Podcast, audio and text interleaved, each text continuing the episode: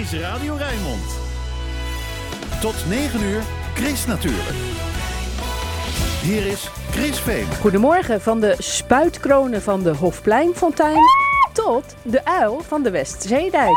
Schrijver Paul Gellings neemt ons mee op een literaire wandeling door Rotterdam, waar zijn opa kunstsmid was tijdens de wederopbouw en zijn andere grootouders aan de Westzeedijk woonden. Achter in de tuin liepen pauwen en ook kippen. Wat is een eerlijk leven voor de kip en wat is een eerlijke prijs voor een ei? En trouwens, jammer dat je er misschien niet naartoe kan. Maar je waant je in Suriname als je kookt uit het Surinaamse kookboek van Sandra van Houwelingen. En weet je wat zo leuk is? Het zijn snelle recepten, dus no spang. Tijd over voor die spannende nieuwe zomertriller van Angelique Haak uit Spijkenisse. Je hoort er meer over vandaag in... Chris natuurlijk, met Chris Vemer.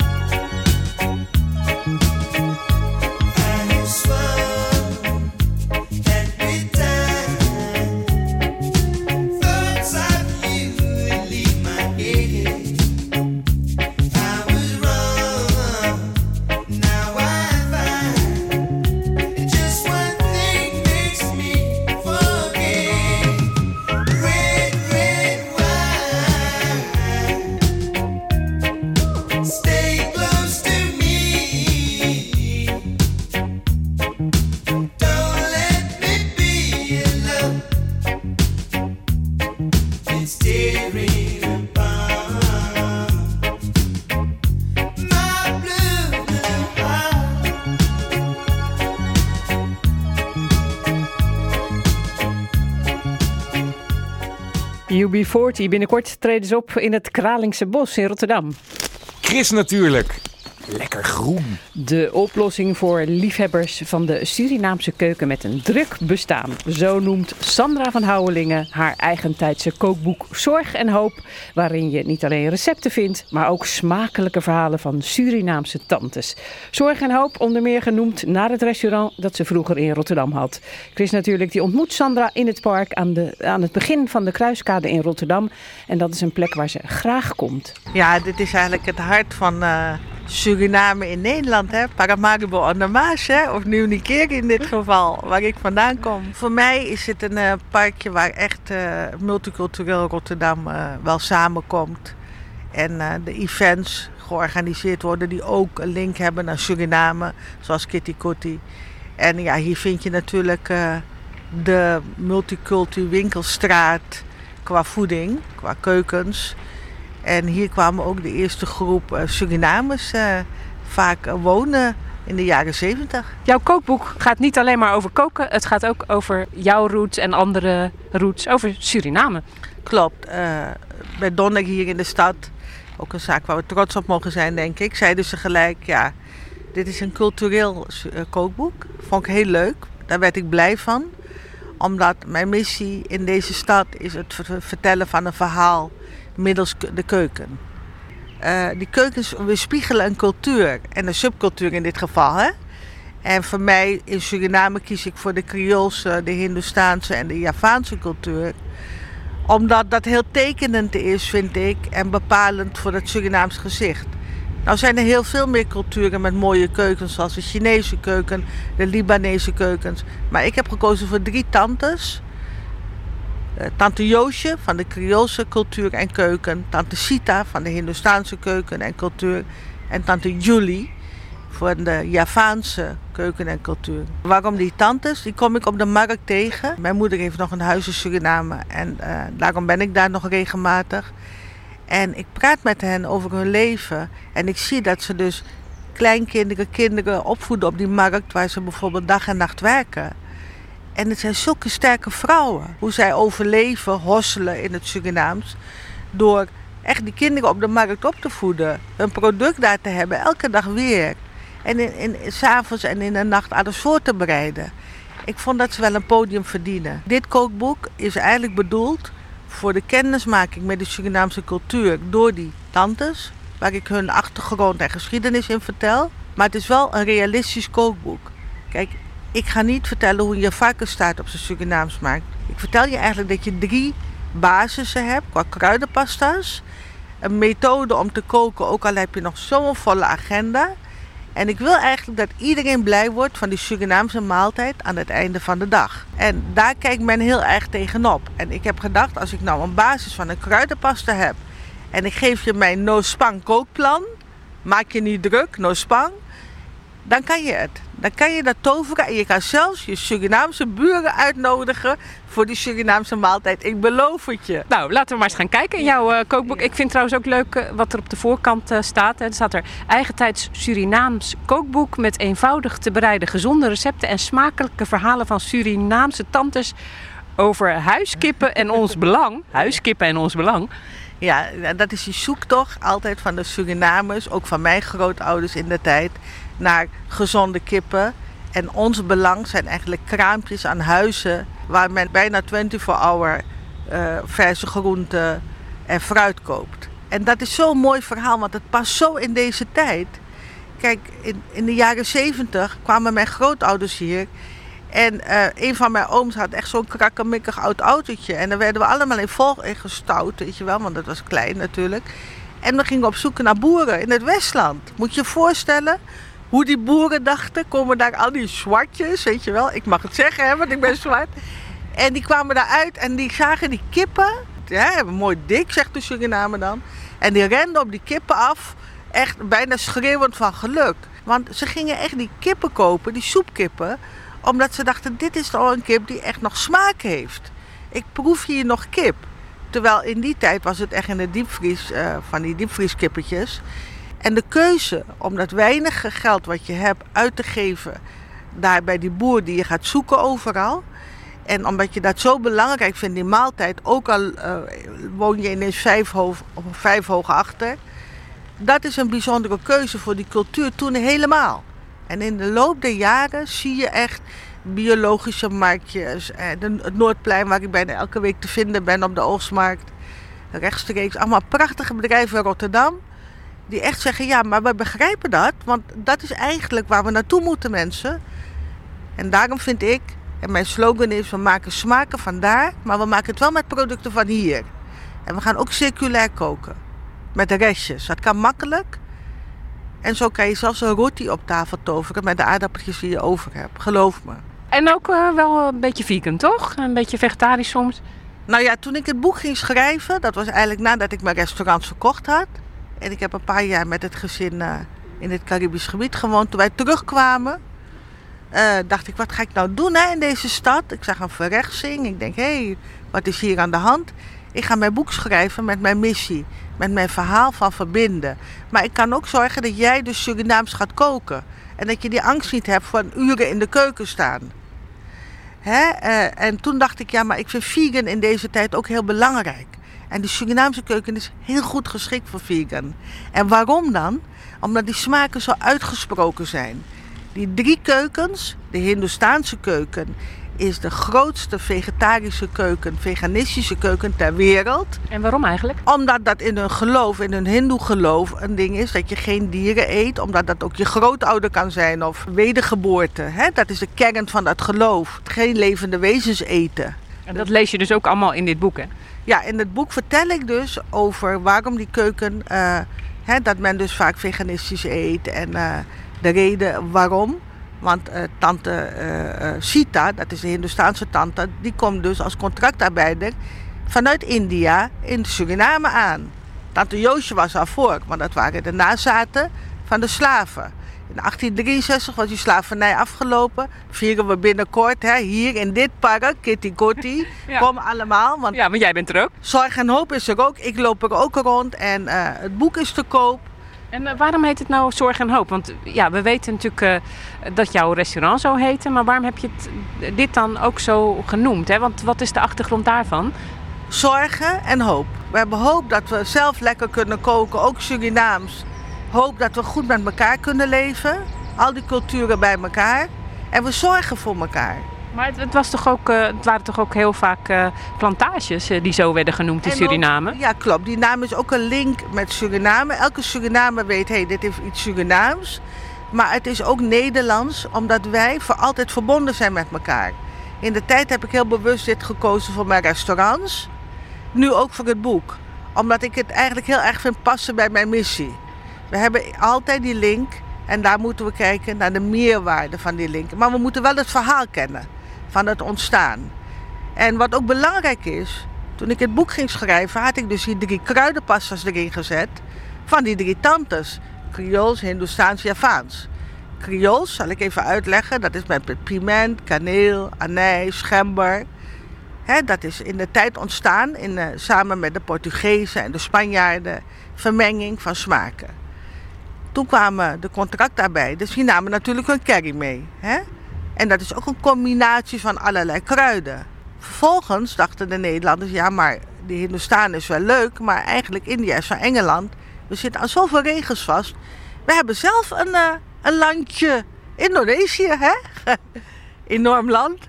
Daar gaan we onze eigen contractarbeiders halen. Dus uniek is dat in Suriname, het enige land in Zuid-Amerika, heb je dus ook Javanen uit Indonesië. Nou, die hebben ook hun keu- keuken meegenomen. En alle drie kunnen mooi vegan koken. Want in de Javaanse keuken zit Laos, seree, gember, kokosmelk, pinda's. Allemaal belangrijke dingen uit die keuken. Dat herken je uit Azië, denk ik. Het is dus no spang, dus eh, te- niet te veel eh, moeite. Je moet wel, je bent heel streng trouwens, je moet wel goed plannen, maar daar komen we nog wel op. Maar ehm, ja, dan, als je al dan die, die dingen moet gaan maken, die, die, die pasta's, dan denk je dat kost weer zoveel tijd. Ja, dat, ik had dus in dat boek die drie pasta's geschreven. Ik denk, nou, dan maak je dat. En dan bewaar je het in de diepvries of in de koelkast. En mensen zeiden, nee Sandra, nee, nee. Heel veel mensen om mij heen die het manuscript lazen. Ik wil die gewoon in een pakje kunnen kopen. Ik denk, oh, dit is de nieuwe uitdaging voor Sandra. Dat jullie, mensen die Surinaams willen koken, denken... hé, hey, ik koop me een mooi vegan product of, of kip of whatever. Ik roerbak het en ik heb die drie smaken. Ja, dus eh, kan iedere, iedereen die er zin in heeft, eh, eh, alle gerechten maken uit dit boek. En dan is het makkelijk met die eh, specerijen, ook al kun je ze ook zelf maken, hè, die pasta's. Maar goed. Ja, ja, Eh, en nou ja, je zei dus goed voorbereiden van tevoren. Kijk, voorbereiden, dat is iets, denk ik, in de Nederlandse samenleving qua werk. Zo'n le- le- klein landje met zulke grootse dingen die men neerzet, heeft allemaal met planning te maken. Alleen vaak zie je dat minder terug in de keuken. Wel van oudsher. Ik had ook een Nederlandse oma. En als zij snijboontjes eh, ging maken, dan was dat vaak eh, in de winter. Dan was dat vaak ingevroren, eh, van tevoren allemaal gesneden op het moment dat de snijbonen er waren. Hè? Herinner ik me nog. Maar ik, ik denk dat de voorbereiding van het koken kunnen we door moderne keukenapparatuur heel makkelijk houden. Mijn voorbereiding is bijna altijd in de oven. En als je een kippetje wil maken of je wil iets vegan maken wat langer duurt, ik noem maar wat pompoen, dan knal je dat gewoon in de oven. Dat het gaart. Dan gebruik je bij het afmaken de kruidenpasta of je doet het er gelijk bij. Ik heb ook een duidelijke drie kleuren in het boek voor rood, geel en groen. Rood is Creools, geel Hindoestaans, groen is Javaans. De kruidenpasta's zijn tot midden juli officieel goed. Dus ik geef bij de, bij, als je een boek wil kopen, geef ik eh, deze kruidenpasta's cadeau. Zolang de voorraad strekt, maar geef ik ze dus weg. Ik vind het hier heel erg lekker ruiken. Laten we eens even op pad gaan kijken of we hier wat eh, Suriname kunnen vinden op straat. Hartstikke leuk, dat gaan we zeker kunnen vinden. Nou, wordt vervolgd. Volgende week gaan we in Chris natuurlijk inkopen doen op de Westkruiskade in Rotterdam. En het kookboek van Sandra van Houwelingen heet Zorg en Hoop. In de winkel kost het 29 euro en 50 cent. Met voorlopig de drie kruidenpasta's erbij. somewhere, somehow. Back then, it's looking at me now, and I recognize my face. Red eyes and flashlights on a fuzzy night. Now I'm on the outside, but I recognize the place. Do you ever think about the time we could be anything we wanted to be? You said, Superman, just spread your arms and fly. We could be anything we wanted to be.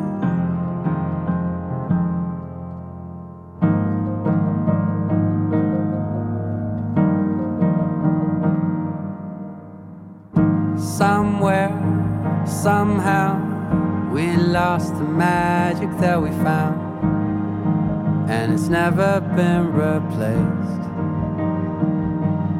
It was just wide eyes and bright lights in another life. I was on the inside, now I'm drifting into space. Do you ever think about the time we could be anything we wanted to be? You said, Superman, just spread your arms and fly. We could be anything we wanted to be. And we could be anything.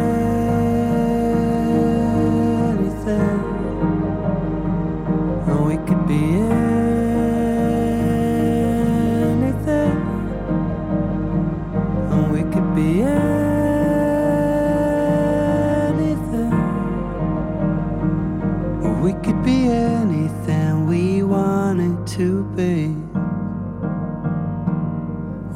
Be anything we wanted to be.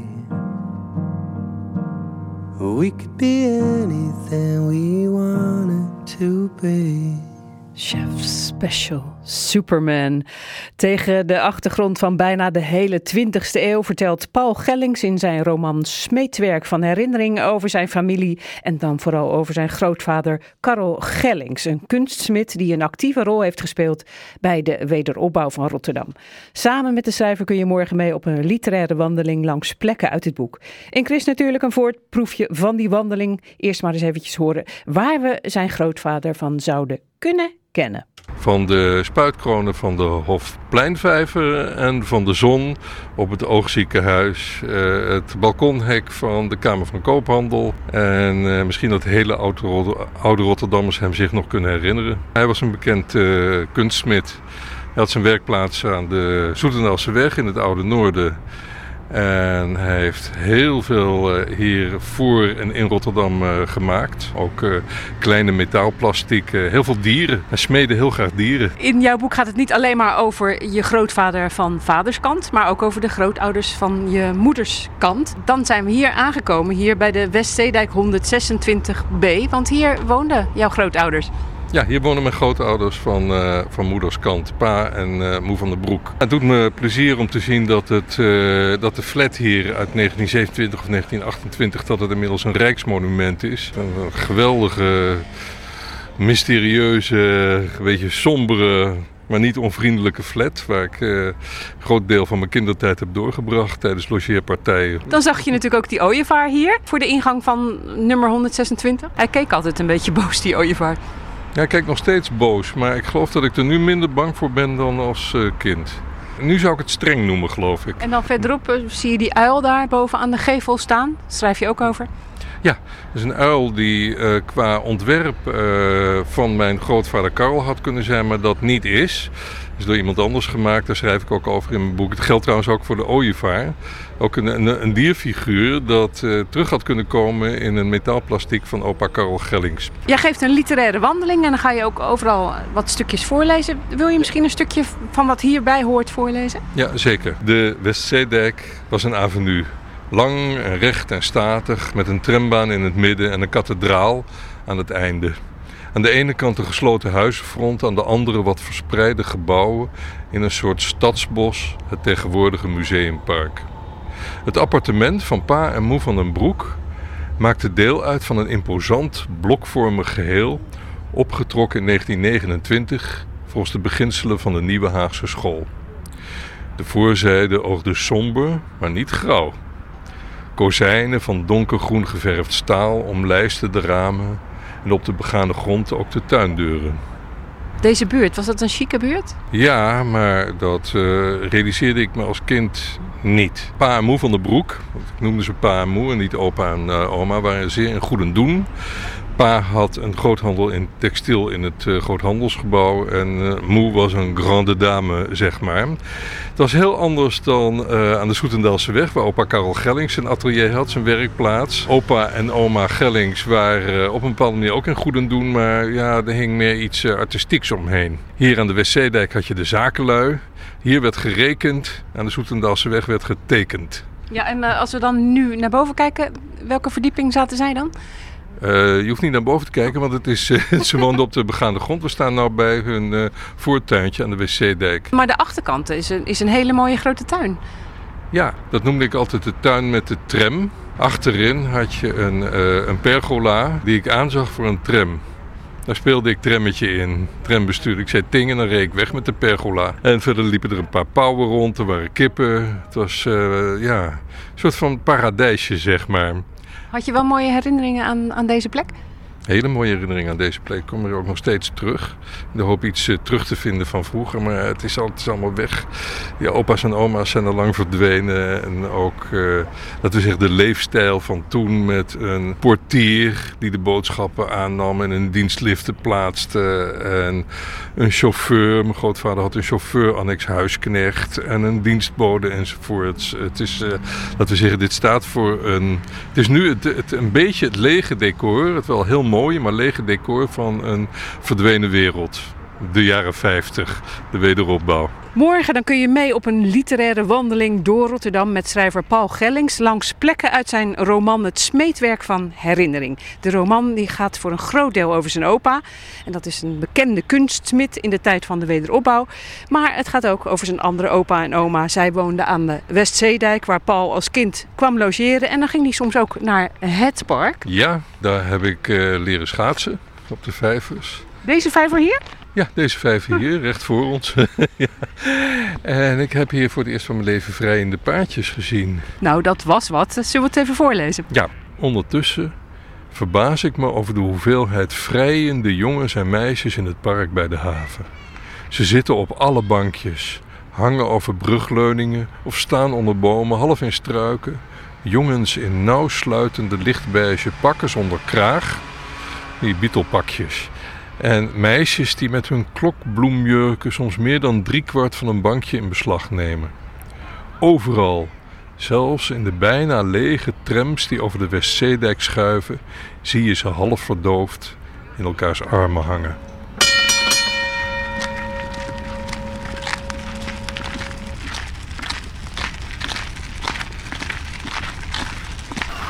We zijn aangekomen op de Westerkade in Rotterdam en gaan terug naar het jaar 1921, augustus 1921 om precies te zijn. En eh, we vinden dan jouw opa op een bankje aan de haven. Hoe kwam die hier terecht? Hij was Duitser, had vijf jaar in krijgsgevangenschap gezeten in eh, Frankrijk tijdens de Eerste Wereldoorlog. Na zijn vrijlating had hij genoeg van Duitsland en Europa, wilde naar Amerika emigreren, daar als eh, kunstsmid aan de kost zien te komen. Eh, maar hij moest ja, even in Rotterdam een stop maken om zijn overtocht te betalen. Hij is inderdaad in augustus 1921 eh, hier aangekomen. Of het zo gegaan is als ik eh, het beschrijf, dat weet ik niet. Maar zolang eh, niemand me vertelt hoe het werkelijk gegaan is, is het zo gegaan als ik het heb opgeschreven. Nu hij de slaap en de drukte uit zijn ogen heeft gewreven, schiet hem te binnen waar hij is. In Rotterdam, am haven. De hemel blauw en lila aan de overkant en aan de horizon. Hij heeft hier geslapen op een bankje aan het water. Zojuist gewekt door schreeuwende meeuwen en stemmen van werkvolk. Diep in de nacht hier met de trein aangekomen op het Maasstation. In die onbekende Nederlandse havenstad die flonkerend op hem lag te wachten. Geradbraakt. In zijn mi- miserabele derde klas coupé had hij nauwelijks geslapen. Het gestommel van de trein en het gelal van de dronkenlappen die in Aken waren ingestapt, hebben dat onmogelijk gemaakt. De toekomst is nu nog een wazig panorama. Een venster ervoor dat bij voorbaat al is vervuild. Aan de overkant van het water een grijs gebouw geflankeerd door twee lichtgroene torens in Oriëntaalse stijl. Erachter een oceaanstomer. Het geheel lijkt op een luchtspiegeling. Het gebouw lokt en dwingt op raadselachtige wijze, net als het schip. Was hij niet zo gebroken? Hij zou meteen een aquarel uit zijn vingers laten vloeien. Hij fantaseert over wat het zou kunnen zijn. Een raadhuis, markthallen, een graandepot of andersoortig pakhuis. Nee, mooier. Eerder een soort tempel. De synagoge van Atlantis, mompelt hij. Ja, en dat was dus eh, het kantoor van de Holland-Amerika-lijn. hè? Amerika, ja, Ja, en daar zou hij dus eigenlijk mee eh, vertrekken met de Holland-Amerika-lijn naar Amerika. Alleen hij is in Rotterdam blijven steken. Ja. Hoe kwam dat? Nou ja, Rotterdam is natuurlijk een fantastische stad. maar hij heeft daar eh, mijn, eh, mijn grootmoeder leren kennen. Dat was een buurmeisje in de eh, Tweede Pijnakkerstraat. En was hij toen al kunstsmid? Ja, hij had zijn opleiding al afgerond in Keulen. Hij had daar de Kunstgewerbeschule gevolgd. En hij was ook in Rotterdam werkzaam als eh, kunstsmid bij de firma Bettenhausen. Daar is hij op een zeker moment weggegaan omdat hij daar niet zelf mocht ontwerpen. Hij was te veel kunstenaar om eh, ontwerpen van anderen uit te voeren. Goed, hij, eh, in Rotterdam heeft hij, heeft hij het geluk gevonden. Maar hij werd al vrij snel weer door de, de wereldgeschiedenis ingehaald. eh, door het bombardement van 1940. Daar heeft hij niet middenin gezeten, want hij eh, en zijn gezin woonden in het, in het Oude Noorden aan de Soetendaalse weg. Zijn wel de stad uitgelopen langs de Rotte naar Hillegersberg, waar ze de nacht hebben doorgebracht. Staat ook allemaal in het boek. Zo is hij dus voor de tweede keer door de geschiedenis ingehaald. En is nog een derde keer, maar dan in positieve zin, door de geschiedenis ingehaald. En dat was toen, die, eh, toen zijn hulp werd eh, ingeroepen bij de wederopbouw. Hij heeft heel veel nou ja, mee- meegewerkt aan herstelwerkzaamheden eh, in Rotterdam. En nou ja, een deel daarvan eh, zijn de spuitkronen van de Hofpleinvijver, de zon op het oogziekenhuis en nog heel veel meer. Dat was voor hem, het waren gouden dagen. Hè, na de oorlog. eh, want er was heel veel behoefte aan eh siersmeedwerk. En daar heeft hij, daarmee heeft hij toch wel een, denk ik, een belangrijk stempel gedrukt op, eh, op Rotterdam. In de, Om de stad een beetje mooier te maken. ja, hij heeft de stad zeker mooier gemaakt. Dus ja, misschien dat hij daarmee het leed ook wat verzacht heeft. Nou, wie zin heeft om mee te gaan op de literaire wandeling, die kan zich morgen om drie uur melden bij Café de Schouw aan de Witte de Witstraat in Rotterdam. En wie het boek wil lezen, het heet Smeetwerk van herinnering, geschreven door Paul Gellens, uitgegeven bij Passage eh, bij de boekhandel in de buurt. Kost het 22,50 euro, maar er is één luisteraar die het boek kan winnen. Wat moet je daarvoor doen? Bellen met 010 436 4436 en dan maak je kans. Hoog tijd nu voor... Chris Natuurlijk. De weekendbijlage. En wat staat er in de weekendkranten over groen, natuur en milieu? Je hoort het in het overzicht dat ik lees met Martin van der Boogaard. Martin, goedemorgen. Jij gaat beginnen. Ja, goedemorgen Chris. Ja, ik weet niet of jij dat doet, maar eh, het hele jaar door boontjes eten, doe je dat? Nee. Nee, ik ook niet. Is nog slechter voor het klimaat dan eh, gedacht, schrijft eh, Trouw. Een nieuwe studie toont aan dat het eh, transport van voedsel van ver weg slechter is voor het klimaat dan de productie van het voedsel zelf. En dat wisten we natuurlijk eigenlijk al lang. Want wie Oh. gaat er nou druiven kopen uit India? Ja, dat wel. Maar ik wist niet dat het, dat het slechter was voor het klimaat dan de productie. Boontjes uit Ethiopië. Uh-uh. Nee, dat is waar, dat wisten we. Maar het is dus nog slechter. erger. Ja, nou, hoe zou het zitten met het gras van Feyenoord? Heel Je kunt dat eh, in ieder geval eh, bemachtigen. De Kuip die biedt 175 stukjes veld aan, schrijft het AD. Stadion Feyenoord heeft, geeft 175 lapjes grasmat aan de gemeente. En die verloot het eh, dan weer onder Feyenoord-fans die hun tuintegels willen verruilen voor het heilige gras van de Kuip. Ja, en ik kan me herinneren dat je jezelf er ook onder kunt laten begraven. Onder Oh. een stukje gras van eh, de Kuip op de zuiden. Dat ga jij doen, ik ben nog niet dood en ik ben geen Feyenoord-fan. Überhaupt niet van voetbal, dus dat zal niet gebeuren. Mhm. Ehm, gaan we naar de Volkskrant. Ehm, die gaat mee op reportage met eh, de boswachter. Die eh, vertelt welke planten en dieren er allemaal last hebben van het teveel aan stikstof. Nou ja, bijvoorbeeld de paarse bloeiende hei in het najaar. Of, eh, ja, dan wordt het heel zielig hoor, even oren dicht. Koolmezen die door gebrek aan kalk in de bodem last krijgen van botontkalking, waardoor hun pootjes breken. Eh, maar eh, ook goed nieuws, brandnetels, en daar kan je soep van maken. En eh, bramen profiteren juist van stikstof. Ja, kan je jam van maken uit de buurt. Nou, ehm, terwijl wij slapen gebeurt er van alles op onze huid, schrijft de Telegraaf. Het gaat om de haarfollikelmijten. Een nieuwe studie onthult bijzondere feiten. Bijvoorbeeld dat deze beestjes s'nachts seks hebben op onze huid. Dus. Alsjeblieft. Nou ja, s'nachts nachts kun je eh, ook nachtvlinders zien. Ja, die zullen ook wel eens seks hebben. Eh, volgend weekend eh, is de nationale nachtvlindernacht. Eh, na zonsondergang worden dan op heel veel plekken vlinders gelokt. Maar donderdag kun je al gaan kijken bij het natuurbezoekerscentrum Klein Profijt bij Oud-Beierland. Waar je van alles hoort over de wereld van de nachtvlinders. Martin van der Bogert was dat. Dankjewel met het groene nieuws uit de weekendkranten en daarbuiten. Gaan we door met het weerbericht. Dat komt van Ed Aldus. Ed, goedemorgen. Ja, dag Chris. Hele goedemorgen. Na een warme week volgt een weekend met eigenlijk eh, heel ouderwets Hollands zomerweer, denk ik, hè? Ja, klopt inderdaad Chris. Gewoon heel normaal Hollands zomerweer. Morgen springt daarbij toch echt ook wel uit, moet ik zeggen. Krijgen we de meeste zon en op dit moment ziet het er nogal bewolkt uit.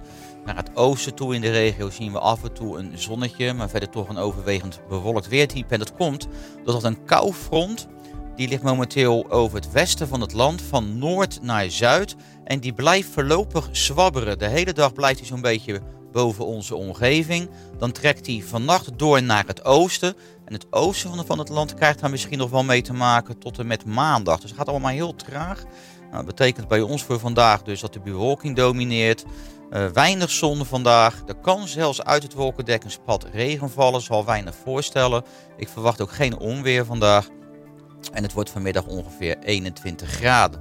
Nou, vanavond en vannacht dan krijgen we te maken met een storing uit het zuiden. En dat betekent eh, dat het gaat regenen. De temperatuur die komt niet veel lager uit dan een graad of 15. Later in de nacht wordt het dan weer droog.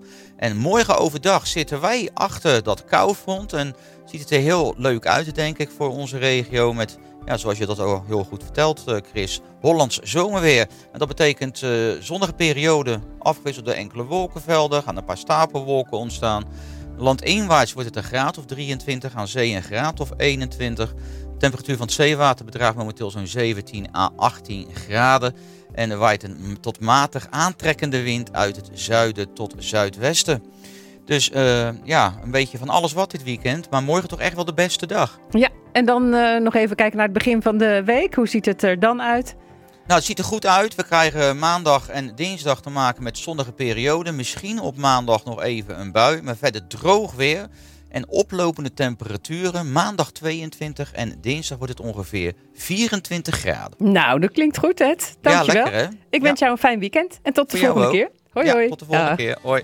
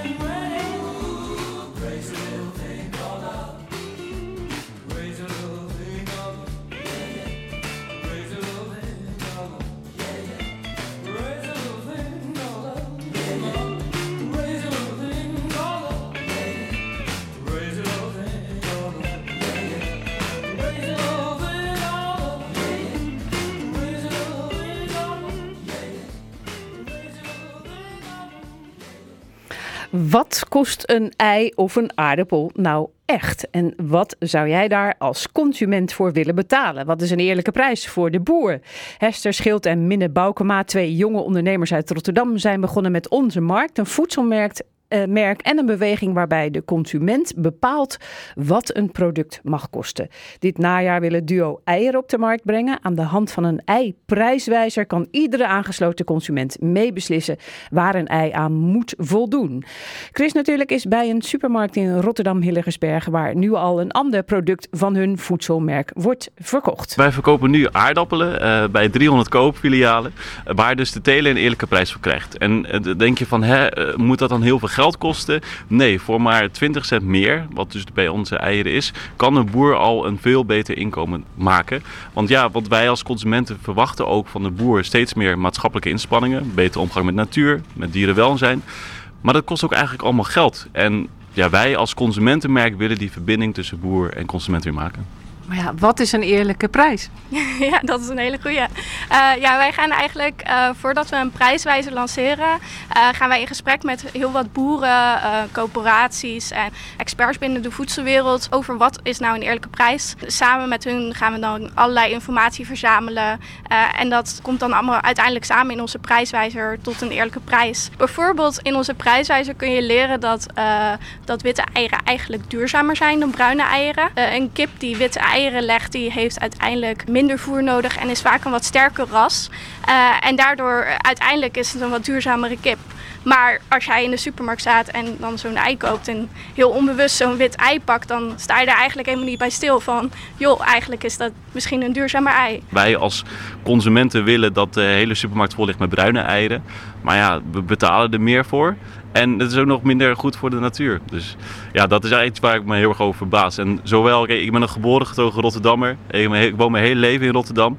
Maar zoals mijn naam doet vermoeden, Minne Boukema komt allemaal roots uit Friesland. Eh, uit de twee kleine dorpjes, eh eh, Beppen en Paken. En ja, ik, ik, verbaasde me gewoon elke keer als ik de verhalen van mijn oma hoorde over dat boeren zo weinig geld kregen. En dan kwam ik weer terug in de stad en ik deed gewoon mijn normale boodschappen. En ik dacht van ja, dit kan gewoon niet zo langer. En eh, ja, wat het, het allermooiste is dat je dus iedereen kan meebeslissen over de eerlijke prijs van eieren via onze prijswijzer. Waar dus letterlijk wijzer wordt over ja, de prijs van eieren. Waar betaal je nou echt voor? En eh, waar gaat het geld naartoe? Maar jullie kijken dus ook naar de verpakking. Ja, wij kijken ook naar de verpakking. Zo kan je bijvoorbeeld ook kiezen voor een duurzamere verpakking, zoals bijvoorbeeld de glasverpakking. Daar is, het veel minder, eh, is veel minder CO2 voor nodig om die te produceren. En wat voor verpakking? Een grasverpakking. Het is een verpakking die gemaakt is van gras in plaats van papierpulp, bijvoorbeeld. En dan kan je zien van ja, eh, als wij dat als consumenten willen, maar dat kost wel een paar centen meer. En is de consument daar bereid voor? En dat vragen wij. Ja, en dat, dat, dat proberen wij ook eigenlijk eh, met onze producten echt te laten zien. Per- Met ook een schema die je op onze website kan zien. Bijvoorbeeld bij onze aardappelen. Kan je precies eh, elk deel van onze prijs zien waar het dan heen gaat. En is dat in de winkel ook te zien? Misschien moeten we even naar de aardappelen lopen. Jullie aardappelen. Voelt dat ook een beetje zo? Jullie aardappelen? Ja, zeker. Ja, het is altijd heel erg leuk als je in de koop loopt en je ziet daar die aardappelen in het schap liggen. Ja, en eh 2 kilo kost 2,71 euro. Ehm, en daarvan gaat, eh, even kijken als ik het goed heb, 1,04 euro Ja, naar de aardappelteler. Dus als je het omrekent naar onze marktaardappelen, zou een aardappelteler er 60 cent voor krijgen, maar wij geven 1,05 euro. Maar daar staat natuurlijk tegenover dat de, de teler ook heel veel duurzaamheidsinspanningen doet. Hij gaat heel veel goed om met het bodemleven, eh, is goed voor de biodiversiteit, neemt water op, wat eh, overstromingen voorkomt. Dus, eh, en we hebben er heel persoonlijk contact mee. Wat het onwijs leuk is dat we precies weten waar onze aardappel vandaan komen, wat voor tegenslagen die heeft met het klimaat, bijvoorbeeld nu met de droogte. Ja, dat is gewoon heel gaaf dat, dat wij als consumentenmerk gewoon ja, weten waar onze producten vandaan komen. Geen aardappelen nodig, mevrouw? Toevallig? nee, aardappelpuree. Oh, kijk, want kent u dit? nee. Nou, dan mogen jullie even uitleggen. Kom maar. Ja, wij zijn van Onze Markt, eh, een nieuw eh, consumentenmerk. En eh, dit zijn onze eerlijke aardappelen met een eerlijke prijs voor de boer. Hierover hebben consumenten meebesloten over dat zij eigenlijk een eerlijke prijs willen betalen voor de boer. En eh, ja, over het algemeen een eerlijkere aardappel. Nou, hartstikke eh, ja, goed eh, wat de boeren ook doen, zeg maar. Ik eh, wil hem wel best wel een keer gaan proberen. En eh, ook wat consumenten belangrijk vinden is de omgang met natuur. Dat wordt steeds belangrijker. Dus de, ja, de- onze leefomgeving wordt steeds eh, eh, ja, destructief eigenlijk verwoest. En eh, ja, we willen eigenlijk met z'n allen ervoor zorgen. De boer staat zo dicht bij de natuur dat het gewoon weer stukken beter gaat met de natuur. En ik denk zelf, hè, als het bijvoorbeeld gaat om eieren, dan zou ik zeggen dierenwelzijn. Ik, dat vind ik heel belangrijk voor een ei.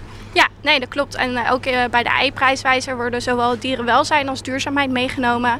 En kan je dus ook eh, daar een beetje mee spelen. Wat vind ik nou belangrijker? Het is, je ziet wel helaas dat vaak dierenwelzijn en duurzaamheid niet altijd hand in hand gaan. Ook als je bijvoorbeeld kijkt naar voer. Voer bepaalt voor een hele grote mate hoe duurzaam eigenlijk kippenveehouderij is. En als het voer lokaal, ehm, ehm, waardoor geen tropische regenwouden voor moeten worden gekapt of bossen, ja, dan maak je het al veel minder slecht. En dan is het eigenlijk voor de dierenwelzijn, dus de, dat kippen gewoon bui- buiten kunnen lopen, ja, eigenlijk gewoon goed. Nou kan ik me wel voorstellen in deze tijd hè, waarin alles duurder wordt, dat de mensen zeggen, ja, misschien dan toch maar niet. Nee, dat kan ik ook heel goed begrijpen, want ja, de, de voedsel wordt ook duurder. Maar ik ben ook wel van mening is dat als je voedsel koopt en weet dat als je dit product koopt, de, boer gewoon een eerlijke prijs voor krijgt. Ja, dat is toch eigenlijk ja, wat je wilt. Dus eh, je wil niet dat dat geld naar marketingdoeleinden gaat. Ja, maar nu zitten jullie er ook tussen. Dat klopt. Maar ehm, wij eh, geven geen hele grote budgetten uit voor grote marketingcampagnes. En natuurlijk hebben wij wel ook een klein verdienmodel eraan. Want wij moeten uiteindelijk als initiatief ook kunnen bestaan. Maar we, eh, ja, het grootste deel gaat gewoon eh, naar de boer. En wat vinden de boeren ervan dat jullie dit doen? Ja, ze v- vinden het geweldig. Een, een- een onafhankelijk initiatief die eigenlijk voor hen opkomt. En eh, dat, ze, dat ze weer met de consument samen in gesprek gaan. Hij mis, dat was met de aardappelteler Dingeman Burgers, die onze aardappelen teelt. Die had geen flauw benul wie zijn aardappelen at. En nu heeft hij die verbinding weer. En eh, organiseren we eh, meetings waar de consument en de boer vragen aan elkaar kunnen stellen. En dat is eigenlijk wat je, waar, waar we naartoe moeten gaan. Dat we samen stappen maken naar, naar beter. De ei-prijswijzer stemmen kan nog tot 17 juli. Op de site van chrisnatuurlijk.nl vind je een linkje met meer informatie. Chris natuurlijk. Lekker lezen. In vergadering, aan het sporten, batterij bijna leeg. Dat zijn van die zinnen die mensen op hun telefoon bij WhatsApp eh, schrijven. Bij Angelique Haak staat er heel vaak aan het typen. Maar nu is de schrijfster uit Spijkenissen niet aan het typen. Ze is hier in, stu- in de studio van Rijnmond om te vertellen over haar nieuwe thriller, Het Verkeerde Meisje. Goedemorgen Angelique, leuk dat je er bent. Hoe vaak ben je eigenlijk aan het typen? Eh, nou, de laatste tijd even wat minder. Maar eh, ja, ik ben nu eh, de laatste weken heel druk geweest met het uitkomen van het verkeerde meisje. Maar normaal gesproken ben ik inderdaad wel heel vaak aan het typen, ja. Ja, want eh, er zijn veel thrillerschrijvers die produceren echt in hoog tempo boeken. hè. Soms wel twee keer per jaar. Hoe is dat bij jou? Nou, twee keer per jaar, dat, dat gaat mij echt niet lukken. Ehm, ja, de afgelopen jaren heb ik zo'n beetje een boek per jaar wel geproduceerd. Vorig jaar dan, dan even niet. Maar dat vind ik op zich al best wel aanpoten. Dus eh, ik vind als je twee boeken per jaar schrijft, dan eh pet je af. Ik heb geen idee eh, Hoe mensen dat hoe doen. ze dat nee. doen. Nee. Nee, jij, jij maakte in 2017 je debuut als thrillerschrijver. En inmiddels heb je een jubileum te vieren. hè, Want Het Verkeerde Meisje is je vijfde boek. En gisteren had je de boekpresentatie in Ja. Barendrecht. En ik hoorde ja, dat die presentatie helemaal in stijl was. vooral voor de mensen die kwamen, want die kregen een lekkernij. En die had van alles te maken met je boek. Wat, eh, ze kregen een bon. Wat was dat voor bon? Ja, dat klopt. Dat was eh, de bon voor het verkeerde ijsje. Dat vonden wij wel, eh, wel heel passend bij dit boek. En eh, ja, de, de kleurstelling van het boek is rood met geel. Dus we hadden ook gekozen voor een ijsje met een bolletje rood en een bolletje geel. En daarop nog een kleine twist in de vorm van een zuurmatje. Nou, je zei het al, het boek is helemaal geel met, met de rode bloedvlekken erop. Maar dat gele, dat is een bewuste keuze van de uitgever, vertelde je mij. Ja, klopt. Ehm, ja, in eerste instantie eh, eh, was er een, een gele cover ehm, ja, waarvan we wel zoiets hadden van ja, die, die heeft echt wel wat. We vonden hem nog iets te saai, dus toen hebben we de bloedspetters eraan toegevoegd. En hoop mijn- geen echte. Nee, nee, gelukkig niet. Er zit wel bloed, zweet en tranen in het boek, maar niet aan de buitenkant. Ehm, maar mijn uitgever die had zoiets van, ja, we willen eigenlijk gewoon eh, dat het boek er echt uitknalt. Dus die heeft het toen eh, bedacht om, eh, om ook de zijkanten in het geel te laten spuiten, zeg maar. En ja, het is, het is echt wel een boek nu wat opvalt in de boekhandel. Ja, nou, we hopen dat veel mensen het pakken. Het verkeerde meisje gaat over Amélie. Wie is dat? Wat is dat voor iemand? Eh, nou ja, eigenlijk zijn er twee verhaallijnen in het verkeerde meisje. De een is inderdaad eh, Amélie. En Amélie is een vrouw die eh, ja, op een doodgewone ochtend naar haar werk vertrekt. Net als altijd om vijf over zeven de vaste route neemt. Alleen die ochtend ja, loopt haar ochtend toch anders als zij op het station overvallen wordt door een man met een angstaanjagend masker op. Vervolgens komt zij bij in een donkere ruimte en ja, is natuurlijk de grote vraag van waarom ben ik hier? En is er een doel dat ik hier ben of ben ik het verkeerde meisje? Eh, en de andere verhaallijn, eh, ja, die gaat over een heel verknipt persoon. En uiteindelijk eh, ja, komen die verhaallijnen natuurlijk bij elkaar. Ja, ja en eh, dat doe je dus eh, middels eh, dagboekfragmenten. Hè? Die andere persoon, eh, die ontvoerde van Emily, eh, eh, Amélie, beter, eh, die leer je dan beter zo kennen. En hoe kwam je op het idee om het zo aan te pakken? Om het via een dagboekfragment eh, te doen? Ehm, nou ja, dat kwam eigenlijk omdat ik ook eh, heel erg wilde beschrijven eh, ja, van hoe wordt iemand nu zo verknipt. En eh, dat ik daarom ook echt de jeugd van die persoon en ja, de, de aanleiding naar uiteindelijk, de uiteindelijke gebeurtenis, zeg maar, op die manier heel goed kon beschrijven. Ja, en eh, want het is, het is een behoorlijk duister eh, boek. Hè? Dus vooral die delen eh, waarin we dan die dagboekfragmenten lezen. En jij hebt voor het onderzoek naar het brein van zo'n verknipt iemand, heb je ook speciaal een boek gelezen. Wat was dat voor boek? Klopt. Ja, dat was het boek Het gewelddadige brein van neuropsycholoog Adrian Rains. En dat boek gaat echt over het brein van seriemoordenaars. Hij heeft daar heel veel onderzoek naar gedaan. Ehm, ja, en, en hersenscans tonen gewoon aan dat, dat het brein van een seriemoordenaar da- daadwerkelijk er anders uitziet dan eh, het brein van een normaal persoon.